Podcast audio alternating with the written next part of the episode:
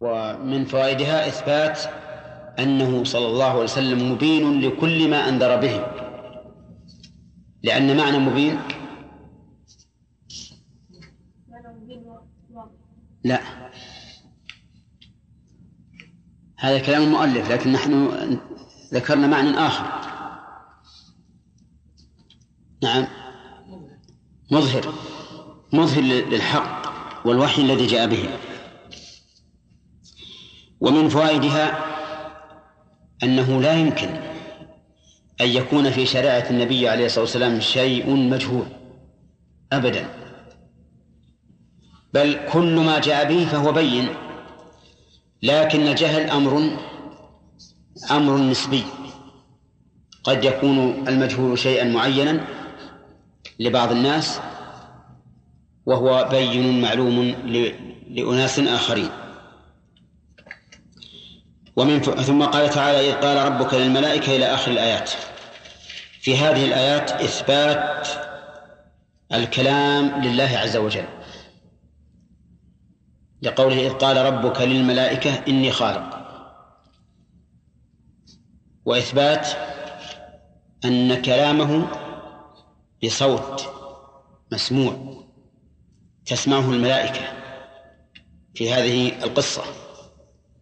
وإثبات أنه بحرف أي بحروف متتابعة يتبع بعضها بعضا لقوله إني خالق بشرا من طين. وكل هذا تأييد لمذهب أهل السنة والجماعة. وفي أيضا إثبات أن الكلام يتعلق بمشيئته حيث ذكر هذا القول في وقت معين. وفي هذا رد على مذهب من سوى أهل السنة والجماعة كالأشاعرة والمعتزلة وغيرهم. ومن فوائد هذه الآيات إثبات الخلق لله وأنه متعلق بمشيئته كقول إني خالق بشرا أي سأخلقه. ومن فوائدها إثبات أن أصل بني آدم هو الطين. ولهذا جاءت طبائع بني آدم وألوان بني آدم جاءت كاختلاف الأرض مختلفة كاختلاف الأرض أو كاختلاف تربة الأرض. فيها السهل واللين والأحمر والأبيض والأسود والحزن والصعب. نعم. لأنهم خلقوا من هذه التربة فصارت اختلافهم كاختلاف الأصل الذي خلقوا منه. وفيه إثبات أنهم أن بني آدم خلقوا من الطين وفي آية أخرى أنهم خلقوا من تراب وفي آية ثالثة من صلصال. كالفخار. ولا منافاة بين هذه الأشياء أو بين هذه الآيات لأن التراب أصل الطين والطين أصل الصلصال الذي كالفخار. فإنه تراب يضاف إليه الماء يكون طينا يمكث مدة ثم يتحجر فيكون صلصالا. ومن فوائد هذه الآيات إثبات الأفعال لله سبحانه وتعالى لقوله فإذا سويته وأن أفعاله تتعلق بمشيئته لأن إذا شرطية تفيد المستقبل. ومن فوائد هذه هذه الآيات أن الله تعالى أتم خلق آدم وسواه كما قال تعالى لقد خلقنا الإنسان في أحسن تقويم. ومن فوائدها تشريف الروح التي نفخت في آدم بقوله ونفخت فيه من روحي. وهذا تشريف من وجهين. الوجه الأول أن الله هو الذي نفخ ولم يأمر أحدا من الملائكة بنفخها والثاني أن الله أضافه أضاف هذه الروح إلى نفسه المقدسة. ومن فوائد الآية أن أن العبادة طاعة الله. على أي وجه كانت؟ حتى وإن كانت محرمة في وقت من الأوقات. لقوله فقعوا له ساجدين والسجود لغير الله شرك. لكن لما أمر الله به صار طاعة وصار الاستكبار عنه كفرا. ومن فوائد هذه الآيات جواز تعليق الأمر بالشرط لقوله فإذا سويته. ويتفرع على هذا أنه إذا جاز تعليق الأمر بالشرط فإن المأمور به أيضا يمكن أن ينفذ فيه الشرط. ولهذا قال الرسول صلى الله عليه وسلم لضباعة بنت الزبير وقد اشتكت إليه عند إرادة الحج. قال حجي واشترطي أن محلي حيث حبستني فإن لك على ربك ما استثنيت. ومن فوائد هذه الآيات أن الملائكة ذو عقول يصح توجيه الخطاب إليهم و...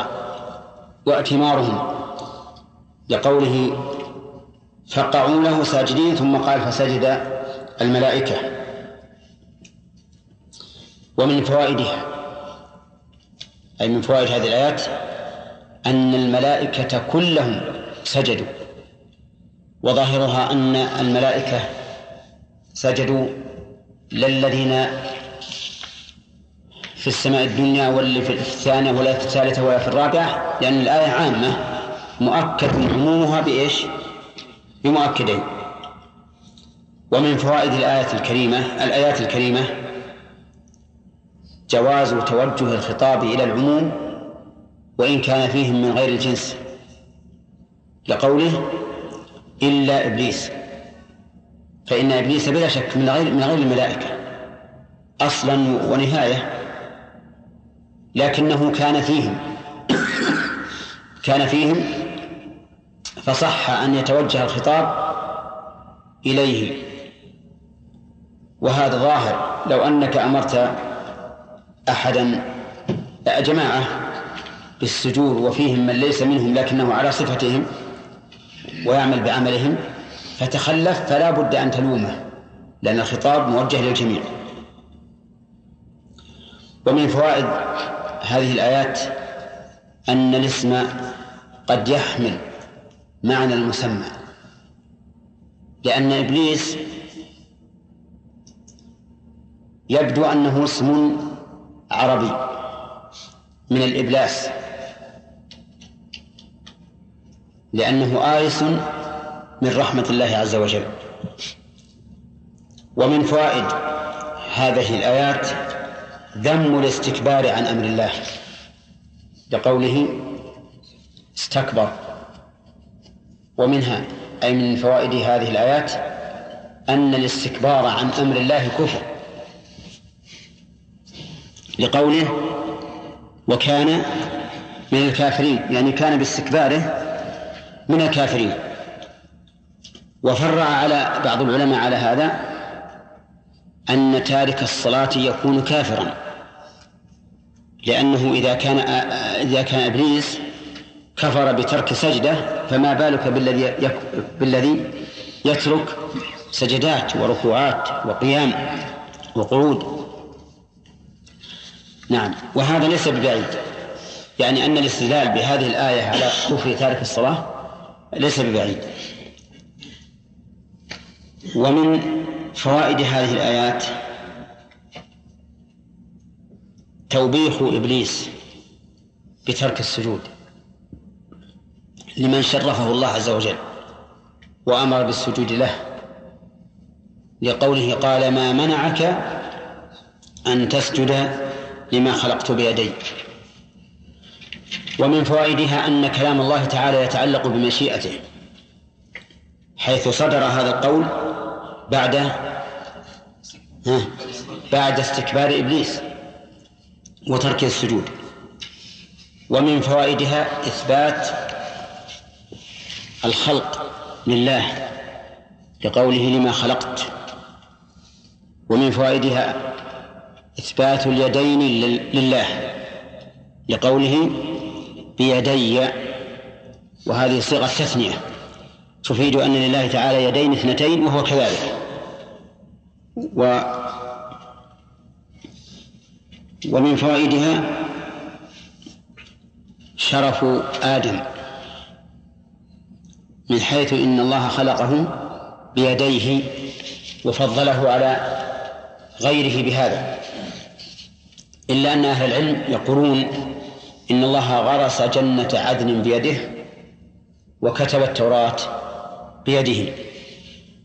ومن فوائد هذه الآية هذه الآيات قصد الرد على أهل التعطيل الذين قالوا إن المراد باليد النعمة أو القوة. وذلك أن النعمة أو القوة لا لا تأتي بصيغة التثنية لأن صيغة التثنية تدل على الحصر. وقوة الله غير محصورة ونعمه أيضا غير محصورة. وإن تعدوا نعمة الله لا تحصوها. ومن فوائد هذه الآية هذه هذه الآيات وأخص هذه الآية أن يدي الله لا تماثل أيدي المخلوقين. ها؟ لأن الله أضافها إلى نفسه. والمضاف يكون بحسب المضاف إليه. فكما أن ذات الله المقدسة لا تشبه ذوات المخلوق لا تماثل ذوات المخلوقين فكذلك صفاتهم. ومن فوائد هذه الآيات استعمال الحصر أو السبر كما يقولون السبر والتقسيم في في المناظرة والمجادلة. لقوله أستكبرت أم كنت من العالين؟ وقد سبق تفسيرها بأن المعنى هل أنت استكبرت في نفسك وأنت لست أهلا للعلو أو كنت عاليا في أصلك حتى تمتنع عن السجود. ومن فوائد هذه الآيات ذم الاستكبار لأن الاستفهام في قولها أستكبرت للتوبيخ. ومن فوائدها تنزيل الأشياء منازلها لقوله أم كنت من العالين لأن العالي إذا كان عال على على غيره فإنه لا يمكن أن ينزل حتى يكون أنزل من غيره بل كل أحد ينزل في منزلته. ومن فوائد هذه الآيات بيان الدعوة الكاذبة التي ادعاها إبليس في قوله قال أنا خير منه. ومن فوائدها أن الإنسان قد يعمى عن الحق فيستدل بما هو عليه يظن أنه له. لقوله خلقتني من نار وخلقته من طين. ومن فوائد هذه الآية أن من قدم العقل على السمع فإنه فإنما هو متبع لخطوات الشيطان. لأن الشيطان قدم ما يدعي أنه عقل على السمع فأخطأ في ذلك. فهكذا كل من قدم العقل على السمع سواء في العمل في العلميات وهي علم العقائد أو في العمليات فإنه مشابه لإبليس متبع لخطواته. واعلم أن كل بلية تقع من تحريف الكلم عن مواضعه والاستكبار عن عبادة الله وغير ذلك فأصلها من من إبليس. ومن فوائد هذه الآية إقرار إبليس بأن الله هو الخالق. لقوله خلقتني وخلقته. ومن فوائدها أيضا أن إبليس كان قد أقر بانحطاط منزلته عن الربوبية. لقوله خلقتني والمخلوق لا يمكن أن يكون ربا. ومن فوائدها أن إبليس أعلم بحقائق صفات الله من كثير من أهل التعطيل. فالذين فسروا اليد بالقوة هنا لو كان تفسيرهم صحيحا لقال إبليس يا ربي وأنا خلقتني بيديك. لأن الله خلق إبليس بقوته كما خلق آدم. لكن إبليس فهم أن المراد باليد غير القوة ولهذا لم ينقض. فضيلة آدم بكونه خلق بيد الله. نعم. ومن فوائدها أن الله أن إبليس باستكباره وإبائه صار مستحقا للطرد والإبعاد. ولهذا قيل له اخرج منها فإنك رجيم. ومن فوائدها أن إبليس لما أخرج أبلغ بأنه مرجوم والرجم زيادة على الطرد. كيف ذلك أخ؟ أيها النائم. ها. أنا أشير عليك أنك تروح توضأ. نعم. ومن فوائد هذه الآيات أن إبليس ملعون. لقوله وإن عليك لعنتي إلى يوم الدين. وفي آية أخرى وأن عليك اللعنة إلى يوم الدين. فهل نقول إن اللعنة المطلقة في قوله وإن عليك اللعنة هي المقيدة في قوله هنا وإن عليك لعنتي؟ أو نقول إن اللعنة هناك أعم فعلى إبليس لعنة الله والملائكة والناس أجمعين؟ يحتمل هذا وهذا. يحتمل أن نأخذ بالمطلق لأنه أعم ويحتمل أن نحمل المطلق هناك على المقيد هنا.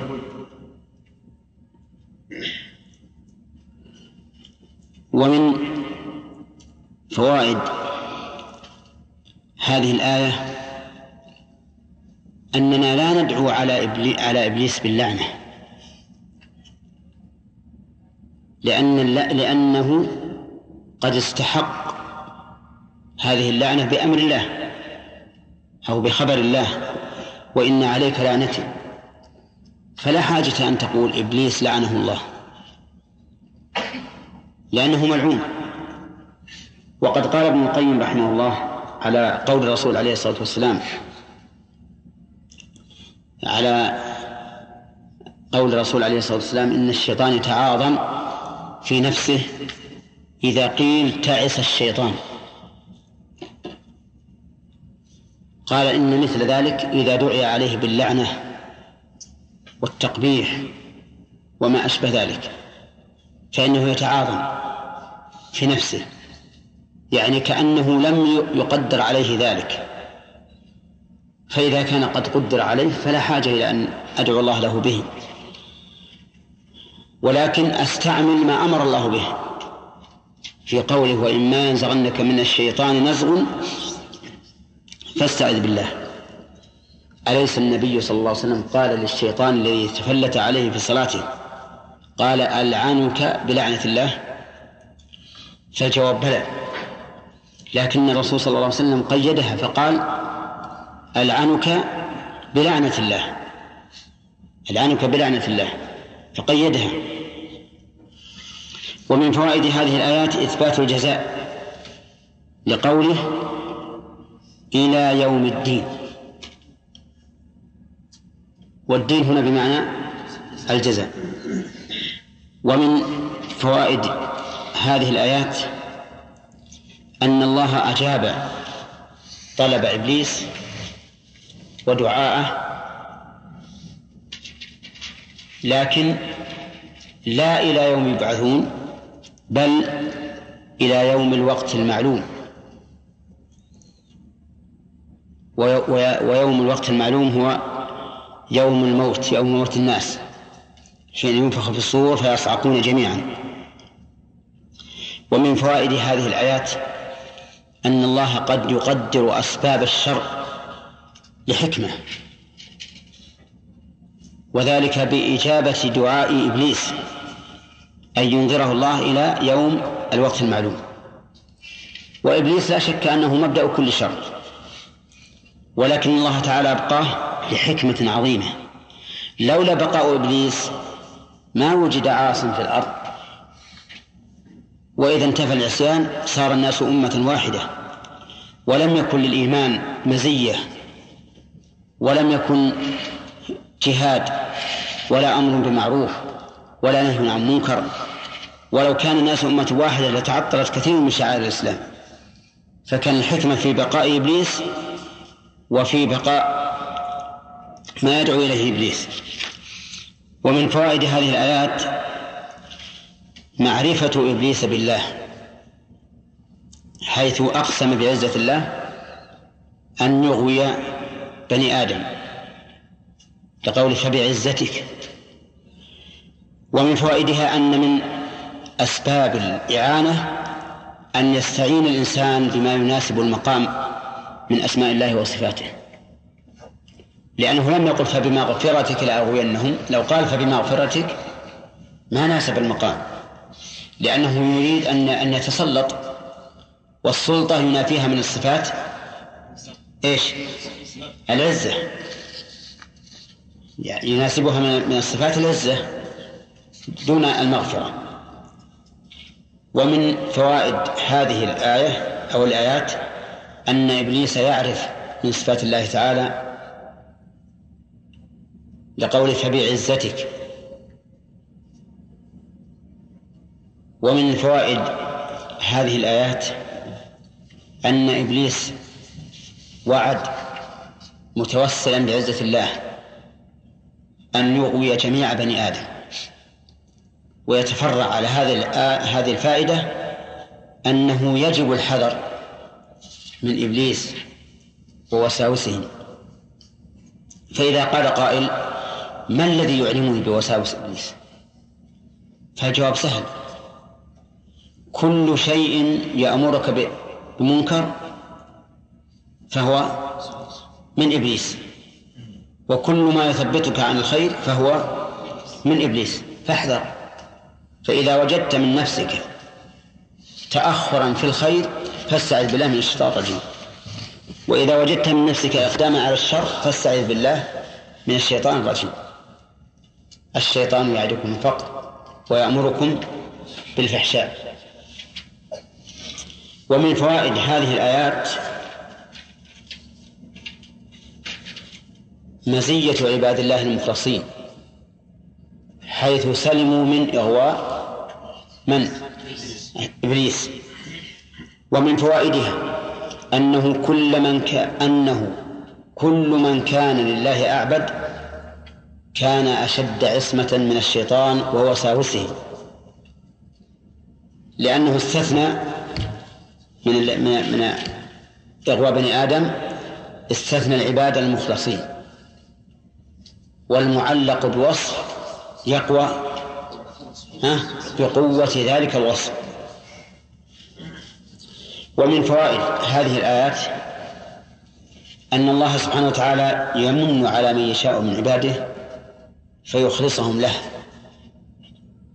لقوله المخلصين إلا عبادك منهم المخلصين. ومن فوائد هذه الآيات أن أن قول الله تعالى كله حق لقوله والحق أقول. وقدم المعمول لإفادة الحصر. ومن فوائدها أن كل ما قاله الله أن كل ما قدره الله فهو حق. سواء كان ملائما للبشر أم غير ملائم. وجه ذلك أن كل شيء قدره الله فهو كائن بقوله كن وكن قول. فإذا كان كل ما فإذا كان كل ما قاله الله حقا لزم أن يكون كل ما قضاه حقا وهو كذلك. ولهذا قال النبي صلى الله عليه وسلم الخير بيديك والشر ليس إليك. ومن فوائد هذه الآيات أن الشيطان في جهنم. كقوله لأملأن جهنم منك ومن فوائدها أن أن الله وعد جهنم بملئها. ويتفرع على هذه الفائدة الحذر الشديد من أن يكون الإنسان من أهل جهنم. نعوذ بالله منها. وقد ثبت في الصحيحين أن جهنم لا تزال يلقى فيها وهي تقول هل من مزيد حتى يضع رب العزة فيها رجله أو عليها قدمه فينزوي بعضها إلى بعض وتقول قط قط. ومن فوائد هذه الآيات أن للشيطان أتباعا لقوله وممن تبعك. فإذا قيل من أتباعه قيل المستكبرون عن عبادة الله. لأن أعظم ميزة يتميز بها الشيطان أنه مستكبر عن طاعة الله. فكل من استكبر يا حسن عن طاعة الله فإنه متبع للشيطان. ثم قال الله تعالى قل ما أسألكم عليه من أجر وما أنا من المتكلفين. في هذه الآية من الفوائد أن الله أمر نبيه صلى الله عليه وسلم أن يعلن بأنه لا يسأل على الرسالة أجرا. يعني أجرا دنيويا. وأما أجر الآخرة فلا شك أن النبي صلى الله عليه وسلم يرجوه لأنه هو الدال على الخير الآمر به. ولهذا منع ورثة الرسل من أن يرثوا شيئا من أموالهم. خوفا من أن يقال إنما اكتسبه الرسل من أجل الرسالة. قال النبي عليه الصلاة والسلام إنا معشر الأنبياء لا نورث. ما تركنا صدقة. ولا صدقة؟ صدقة يتعين. وأما قول الرافضة إنه بالنصب لا نورث ما تركنا صدقة فهذا تحريف. تحريف لفظي ومعنوي. وذلك لأن ما ترك صدقة لا يورث لا من الأنبياء ولا من غيرهم. لو أوصى الإنسان بشيء يجعل صدقة بعد موته نفذ ولم يورث. لقوله تعالى من بعد وصية يوصى بها أو دين. إلا أن ما زاد على الثلث يكون راجعا إلى اختيار الورثة. ومن فوائد هذه الآية الكريمة أن النبي صلى الله عليه وسلم لا يسأل الناس أجرا على دعوة الخلق إلى الحق. وهل هذا خاص به؟ أو عام له وللأمة. أي أنه يحرم على الإنسان أن يأخذ شيئا عن تبليغ الشريعة. الجواب أنه متى وجب الإبلاغ حرم أخذ الأجر عليه. متى وجب الإبلاغ حرم أجر الأخذ عليه. لأنه لا يجوز للإنسان أن يأخذ أجرا في مقابل قيامه بالواجب. أما إذا كان ليس بواجب فلا بأس أن يأخذ أجرا لأنه يكون تطوعا إن شاء فعل وإن شاء لم يفعل. فإذا قال أنا لا أحبس نفسي لا أحبس نفسي إلا بأجر. قلنا لا حرج. ما دام ليس ما دام الإبلاغ ليس واجبا. ويدل لهذا قول النبي عليه الصلاة والسلام إن أحق ما أخذتم عليه أجرا كتاب الله. لكن متى وجب تعليم القرآن على شخص؟ فإن أخذه أجرة على هذا التعليم يكون حراما. ومن فوائد هذه الآية الكريمة أن النبي صلى الله عليه وسلم صادق فيما أخبر به من الوحي لقوله وما أنا من المتكلفين ومن فوائدها الإشارة إلى أن من الناس من يتقول على الله فيدعي أنه رسول وليس كذلك. وحينئذ نقول من ادعى الرسالة فإن جاء بآية تدل على صدقه فهو رسول وإلا فليس برسول. هذا فيما قبل النبي صلى الله عليه وسلم. أما ما بعد النبي فمن ادعى الرسالة فهو كاذب. لأن الله يقول ما كان محمد أبا أحد من رجالكم ولكن رسول الله وخاتم النبيين. ولكن رسول الله وخاتم النبيين. فمن ادعى الرسالة أن الله أرسله بعد محمد صلى الله عليه وسلم فهو كاذب مرتد عن الإسلام يجب قتله. ولا يرد على هذا أن عيسى ينزل في آخر الزمان.